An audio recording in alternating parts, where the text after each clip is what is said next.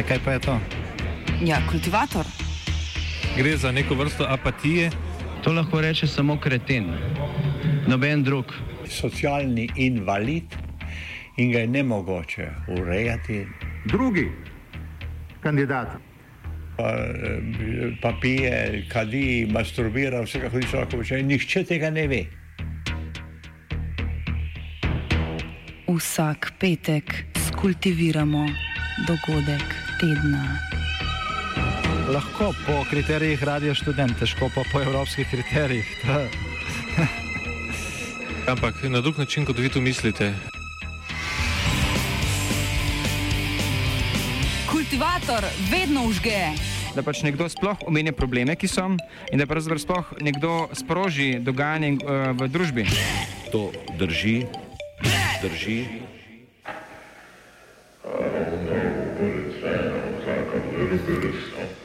Pred nekaj dnevi je bil na medmrežju objavljen osnutek predloga razdelitve Slovenije na pokrajine, ki ga je pripravila ožja strokovna skupina z Mariborske pravne fakultete. O predlogu, ki je nastal na pobudo predsednika državnega sveta Alojza Kovšce o podpori skupnosti občin Slovenije ter Združenja občin Slovenije, bi Slovenijo razdelili na 11 pokrajin, ki bi tako predstavljale umestno stopnjo samouprave med občinami in državo. Prav ta umestna administrativna stopnja Sloveniji, vsaj ko jo primerjamo z nekaterimi evropskimi državami, manjka. Pri nas sicer poznamo razdelitev na statistične regije, a so te regije, kot pove ime, namenjene predvsem potrebam statistike. Pri tem je zanimivo, da slovenska ustava ustanovitve pokrajin oziroma umestne stopnje samoupravne skupnosti sicer predvideva, a do njih do sedaj ni prišlo. Zadnji tak poskus se je zgodil pred dobrimi desetimi leti, ko je bil izveden tudi posvetovalni referendum. Voljivci so sicer ustanovitev pokrajin podprli, a je volivna udeležba bila preniska, le 10 odstotna.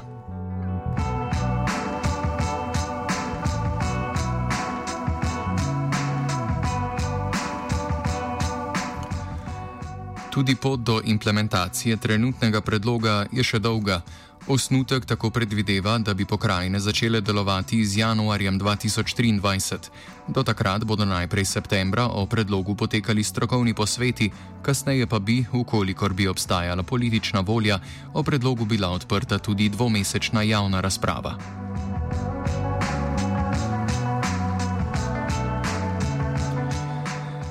Vodja ožje strokovne skupine, ki je pripravila osnutek, je Boštjan Brezovnik z Mariborske pravne fakultete, ki pove, na kateri točki je trenutni osnutek predloga.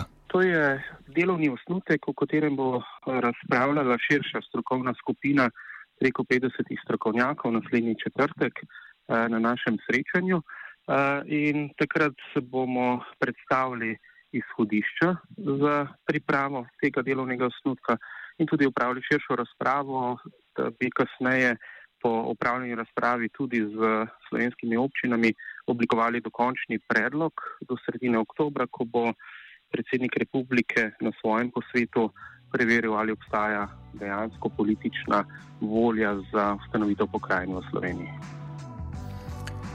V preteklosti zadostne politične in družbene volje za regionalizacijo Slovenije ni bilo. Razloge za tokratno pripravo predloga zakona o pokrajinah, ki se je rodil v državnem svetu, razloži Borut Holcman, profesor na pravni fakulteti Univerze v Mariboru, ki je prav tako sodeloval v strokovni skupini. Zdaj, eh, z vidika prava in ustavnega prava je že v ustavi predvidena pokrajina kot tista širša regionalna enota, ki skrbi na eni strani za stik med najnižjo občino in seveda državo na drugi strani. To je en vidik. E, ta je čisto pravniški in tudi e, oprijemljiv. Bolj pomemben od vsega tega pa je, e, tako reko, oziroma pomembna je pobuda občin, ki so v nekem trenutku ugotovile, da potrebujejo manjše, manjše enote, manjše entitete na, podro, na, na sami lokalni osnovi, ker namreč eh, gre za nekaj. Eh, kadar gre za konkurenčnost občin proti eh, evropskim finančnim skladom, so preprosto občine premajhne. Na drugi strani je pa država prevelika. Holcman pa v nadaljevanju o tem, kako se tokratni predlog razdelitve Slovenije na pokrajine razlikuje od prejšnjih, ki so bili, kot vemo, neuspešni. Razlika je v tem, ker ta trenutek za to pobudo ne stoji nobena politična stranka. Ampak res stoji uh, povsem apolitičen uh, projekt, ki smo ga pripravili skupaj ljudje z različnih strokovnih področji in se na to področje uh, same regionalizacije Slovenije tudi nanašajo. In na drugi strani, uh, zanimivo je, da politika soglaša kar je, kar je zelo pozitivno in to je za pozdraviti. Zaradi tega, ker se ljudje preprosto morajo zavedati ene stvari. Veste, vsaka ta finančna perspektiva eh, ima tudi zelo, zelo močan finančni, finančni učinek.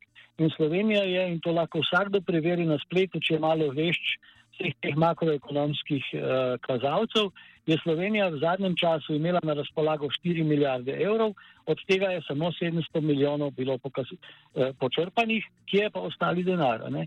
In če bi bila Slovenija tako regionalno bolj konkurenčna, bi do tega denarja povsem drugače lahko prihajala. Brezovnik poudarja, da je od zadnjega predloga prišlo do še večje centralizacije v državi očitno ni bil zadostni družbeni in politični konsens. Zdaj je pripeljalo ponovno do uh, nekaterih izhodišč, ki so pomembna za to, da bi bilo potrebno pokrajine ustanoviti. Izkazalo se je, da je na podlagi upravne in fiskalne centralizacije pripeljalo tudi do dejanske centralizacije, ki se kaže pretežno v tem, da imamo v glavnem mestu, Ljubljani, na 292 tisoč prebivalcev 217 tisoč delovnih mest, da preko 90 tisoč ljudi dnevno migrira v Ljubljano v službo in seveda je s tem zamrla ideja o policentričnem razvoju, ki je v preteklosti bil predviden v smislu ustrezne prerasporeditve tako delovnih mest kot tudi upravnih organizacij, kar bi dejansko zagotavljalo, da bi ljudje ostajali v svojih lokalnih okoljih in seveda na ta način uh, živeli in prispevali k razvoju teh lokalnih okolij. Tokratni predlog pokrajin bolj kot prejšnji upošteva zgodovinske razdelitve in želje občin. Slednje je bilo najbolj izrazito v primeru Prekmurja, ki pa se je v predlogu razširilo tudi na Štajerski breg Mure. Več o pobudah vključenih v predlog zakona Holzman. Ta zadnja pobuda, ki jo zelo ki jo poznam in je meni znana, so razumniki prekmurja eh, podali pobudo za ustanovitev prekmurske pokrajine. Ne. To se je zdaj malenkost eh, v tem predlogu zgubilo z pomurjem, ampak eh, prekmurje je jasna entiteta v tej državi, ki je to pokazala. Potem tudi primorska je, je dala eno tako pobudo, tako da Jaz mislim, da je tukaj zdaj eh, en določen del politike in določen del odgovornih v tej državi, pustimo politiko, ampak rečemo odgovornih v tej državi, ugotovilo, da je njihova odgovornost tudi v to smer eh, storiti nekaj, nekaj korakov in tako rekoč nekaj narediti. Ne? Sej, gledajte, mi imamo nekaj centrov, v katere ljudje odhajajo. Ampak eh, podeželje, prostor, kjer pa slovenci živijo, kjer živijo recimo dve tretjini slovenskega prebivalstva pa ni vezan na centre in mora tudi živeti v tem prostoru. In tukaj je seveda vprašljiva tako infrastruktura, tako uh, tudi delovna mesta. Ob zadnjih resnejših poskusih ustanavljanja pokrajin se je njihovo predlagano število gibalo od 3 pa do 18. Brezovnik opiše, kaj so bila izhodišča za predlagano razdelitev. Stvar je v tem, da je v Sloveniji po letu 1991 pripeljalo najprej do izrazite centralizacije, ki se danes kaže v tej stopni dejanske centralizacije. Um, študije, ki so bile pripravljene v letu 2006-2007 in dalje, takrat, ko je bil uh, prvi resni poizkus ustanavljanja pokrajin, uh, so se orientirale na 3, 6, 8, 12, 14 pokrajin, pri čemer so seveda za argumentacijo uporabili različne parametre. Um, mi, ko smo razpravljali v ožji delovni skupini o vseh teh vprašanjih, dejansko danes najdemo izhodišča za ustanovitev vse od 3 pa do 18 pokrajin. Um, in pri konceptu, ki smo mu sledili v tem času, smo kot izhodišče za oblikovanje pokrajin uporabili mestne občine, teh je v Sloveniji 11, in smo poleg tega upoštevali prednostno tako imenovane funkcionalne regije, ki nam dejansko pokažejo prvič mobilnost prebivalstva in navezavo prebivalstva na posamezna urbana središča. In seveda je, se je na koncu izkazal ta koncept upoštevanja mestnih občin z funkcionalnimi občinami kot eden izmed možnih uh, oblik. In zato je tudi nastal ta predlog za takšno teritorijalno členitvijo, ki dejansko tudi pokaže, da se posamezna območja uh, tudi bolj kot ne navezujejo na mestne občine kot danes administrativna in urbana središča. Predlagana razdelitev pokrajin bi se tako razlikovala od razdelitve na statistične regije, a bi bila bolj usklajena z obstojem mestnih občin. Ljubljana bi kot največje mesto ob tem dobila svojo pokrajino. Če bi želeli doseči enakomerno in enakopravno zastopanost celotnega območja, bi morali pri Ljubljani drugače ustanoviti osrednje slovensko regijo, ki bi po številu prebivalcev obsegala skoraj 600 tisoč prebivalcev. To je recimo, če bi se naslonili na statistično, osrednje slovensko statistično ali pa razvojno regijo. Vendar je ključni problem v tem, da bi v takem primeru osrednja slovenska pokrajina bila preobsežna. In druga opcija bi seveda bi bila, da bi ob Ljubljani dodali še nekatere občine, ki so teritorijalno navezane na Ljubljano, vendar bi v takem primeru obstajala bojazen, da bi v razvojnem smislu uh, Ljubljana nadvladovala vse ostalo območje uh, v smislu uh, prebivalstva. In zaradi tega smo predlagali koncept osamosvojitve Ljubljane kot glavnega mesta po zgledu recimo Dunaja, ki bi dejansko izvajalo tudi tiste pokrajinske pristojnosti, se pravi, samostojno upravljalo te razvojne naloge. Strokovna skupina si je pri risanju mej pokrajin želela, da bi zagotovila večjo decentralizacijo in obenem enakopravnost urbanega in ruralnega predela države. Primerjalno smo pogledali, kakšna je ureditev recimo v Avstriji, na Češkem, Nemčiji, Franciji in smo dejansko poskušali upoštevati različne vidike, ne zgolj prostorskih, teritorijalnih, eh, zgodovinskih, pač pa tudi v tem smislu uh, smo sledili načelom demokratičnosti. To pomeni, da je potrebno tudi znotraj pokrajine zagotoviti, da prebivalstvo v urbanih območjih ne bo imelo recimo nadvlade v uveljavljanju svojih želja nad suburbanimi in pa ruralnimi območji, ker potrebe v razvoju so popolnoma različne. Mi smo uveljavili to na ta način, da smo uh, sicer uh, predvideli ustanovitev 11 pokrajinih vezanih tudi na uh, mestne občine, pri čemer smo dejansko pri vseh pokrajinah uh, z uh, izjemo morebiti uh, Savinsko-Šaleške dosegli, da število uh, prebivalcev v mestni občini ne presega števila prebivalcev izven mestnih občin. Poleg razdelitve na statistične regije, ki bistvenega političnega pomena nimajo, v Sloveniji poznamo nekoliko bolj široko razdelitev na zahodno in vzhodno kohezijsko regijo, glede na katero občine znotraj posameznih regij lahko kandidirajo za evropska sredstva. Zaradi svoje majhnosti se po mnenju predlagateljev nekatere občine ne morejo uspešno prijavljati na razpise za evropska sredstva, nova razdelitev pa bi to lahko spremenila bistven pri pripravi razvojnih projektov in pridobivanju evropskega denarja. Ključni problem Slovenije v tem trenutku je v tem, da imamo izrazito veliko število majhnih občin, ki se regijsko slabo povezujejo um, na eni strani in na drugi strani državo, ki ne zagotavlja ustreznega administrativnega aparata in podpore za črpanje evropskih sredstev. Mi smo v tem trenutku um, uspeli počrpati, mislim, za 722 milijonov oziroma 26 odstotkov vseh sredstev, ki nam je na, na razpolago v tej perspektivi. In ključni problem Slovenije je v tem, da nismo zagotovili sistema, ki bi omogočil permanentno, se pravi trajno črpanje, ampak je to črpanje ciklično, tako da lahko pričakujemo, da bomo mi v naslednjem, v zadnjem letu perspektive, seveda z podaljšanim obdobjem za črpanje, za črpanje uspeli počrpati večji del denarja, vendar bo to vplivalo tudi na stroške porabe, predvsem zaradi tega, ker bomo morali v zelo kratkem času tudi ta denar potrošiti, kar pa pomeni, da bo pripeljalo do izrazitega, da lahko pripelje do izrazito velikega, uh, uh, velike, recimo inflacije in pa dviga stroškov, recimo graden, nabave storitev, dobave materijala in tako naprej. Zgodovinska razdelitev slovenskega ozemlja v času Habsburške vladavine na tem območju je bila ključno vodilo pri oblikovanju meja med pokrajinami. Na zahodu, torej v delu Slovenije, v katerem je ležala zgodovinska dežela Kranska, delitev v grobem sledi zgodovinski delitvi na deželne četrti oziroma kasneje na kresije, torej na Gorensko, Notransko in Dolensko. Podobno velja za skrajni zahodni del Slovenije, kjer se je ob koncu avstro-ogrska dežela Avstrijsko primorje delila na Goriško in Istro ter Trst. Danes slovenski del tega ozemlja so pripravljavci zakona razdelili na Goriško in Kopersko pokrajino.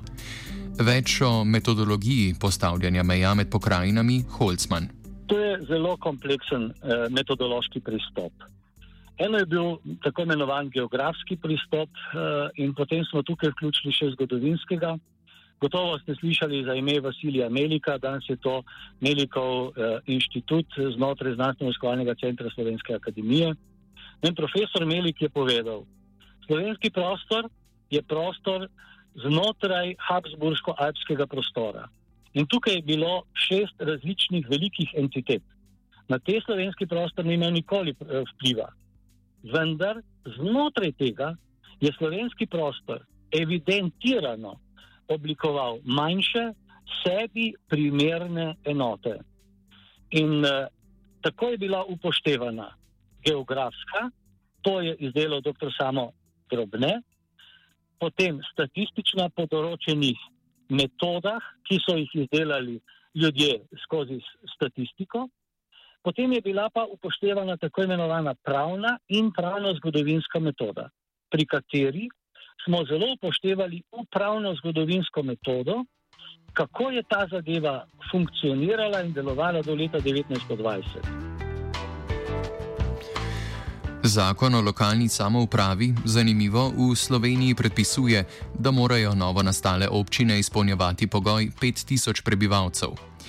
V praksi se to ne dogaja, saj je občin, ki ne dosegajo minimalnega števila prebivalcev, več kot polovica. Razlog za ustanavljanje tako majhnih občin je med drugim v tem, da se na nje prenese določena avtonomija, ki je sicer zaradi upletanja države te lokalne skupnosti ne bi imele. Pokrajine bi pri tem imele funkcijo razbremenjevanja manjših občin, obenem pa bi se na nje prenesle določene funkcije, ki jih sedaj opravlja država, kot razloži Holzman. Pokrajina bo vmesni člen. Tako rekoč bo država določen del svojih pristojnosti odložila na pokrajino in pokrajina bo nehote bližje prostoru, v katerem se dogajajo stvari. Določeni stvari preprosto iz Ljubljana ne morete videti. Ne gre. Pokrajina bo tista, ki bo zadolžena za to. In zato bo zadolžen predsednik, bo upravni del pokrajine in hkrati bo pokrajina imela dva organa, ki bosta tako rekoč nadzor En organ gotovo bo zelo pomemben, to je svet županov. Ničesar se ne bo moglo zgoditi mimo županov, ki bodo v teh pokrajinah prisotni in ki, če jaz, jaz upam, da tudi zdajšnji župani dihajo s svojimi občani. Tukaj bodo pa lahko z vso močjo tudi dihali s svojim, svojimi občani, na drugi strani pa z neko upravno enoto, ki bo pokrajina in bo delovala subsidijarno znotraj državne oblasti, tudi zadevo, tudi zadevo izpolnjeval.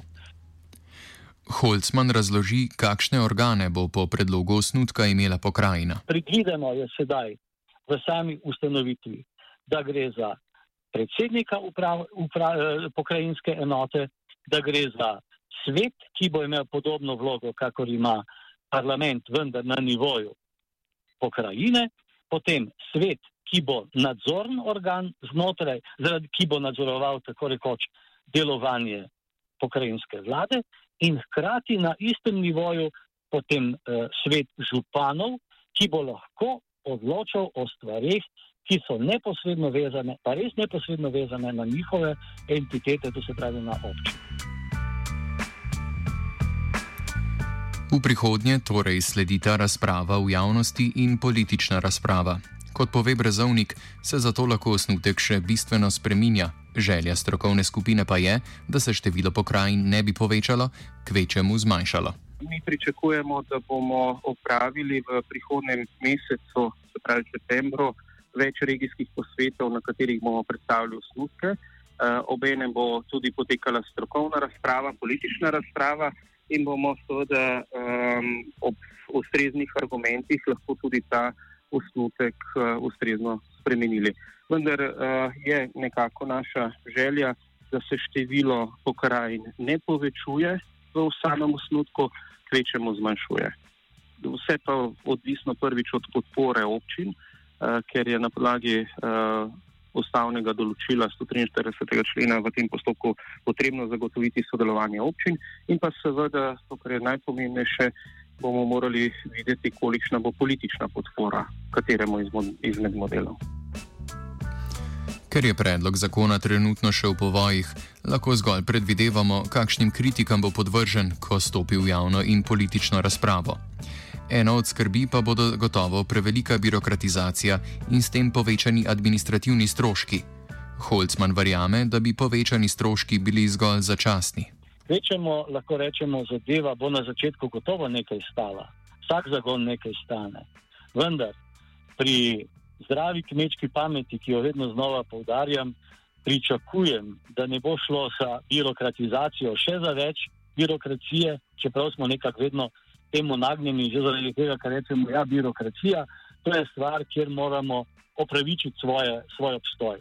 Ne, pokrajina bo morala opravičiti svoj obstoj v tistem segmentu, ko bo rekla takole, naš prostor je zaradi pokrajine toliko bogatejši, toliko bolj predvidljivejši, toliko bolj eh, spo, eh, sposoben skrbeti sam zase.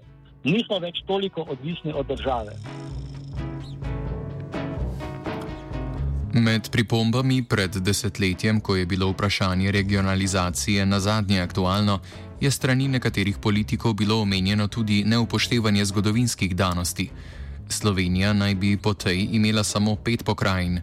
Omenimo, da ena izmed njih, Pomorska, ravno danes obeležuje stoto obletnico priključitve k matični domovini. Trenutni predlog teh zgodovinskih meja ne upošteva. Pomorska pokrajina bi se po novem predlogu namreč razlila tudi prek meja Mure.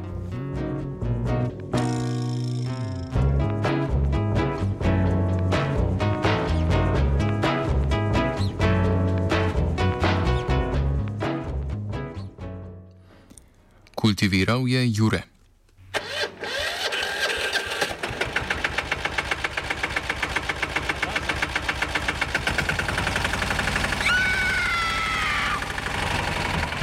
E, kaj pa je to? Ja, kultivator. Gre za neko vrsto apatije. To lahko reče samo kreten, noben drug. Socialni invalid in ga je ne mogoče urejati. Drugi kandidat. Pa, eh, pa pije, kadi, masturbira, vse kako hoče lahko reče. Nihče tega ne ve. Vsak petek skultiviramo dogodek tedna. Lahko po kriterijih radio študent, težko pa po evropskih kriterijih. Ampak na drug način, kot vi tu mislite. Kultivator vedno užge. Da pač nekdo sploh omenja probleme, ki so, in da pravzaprav sploh nekdo sproži dogajanje uh, v družbi. To drži, drži.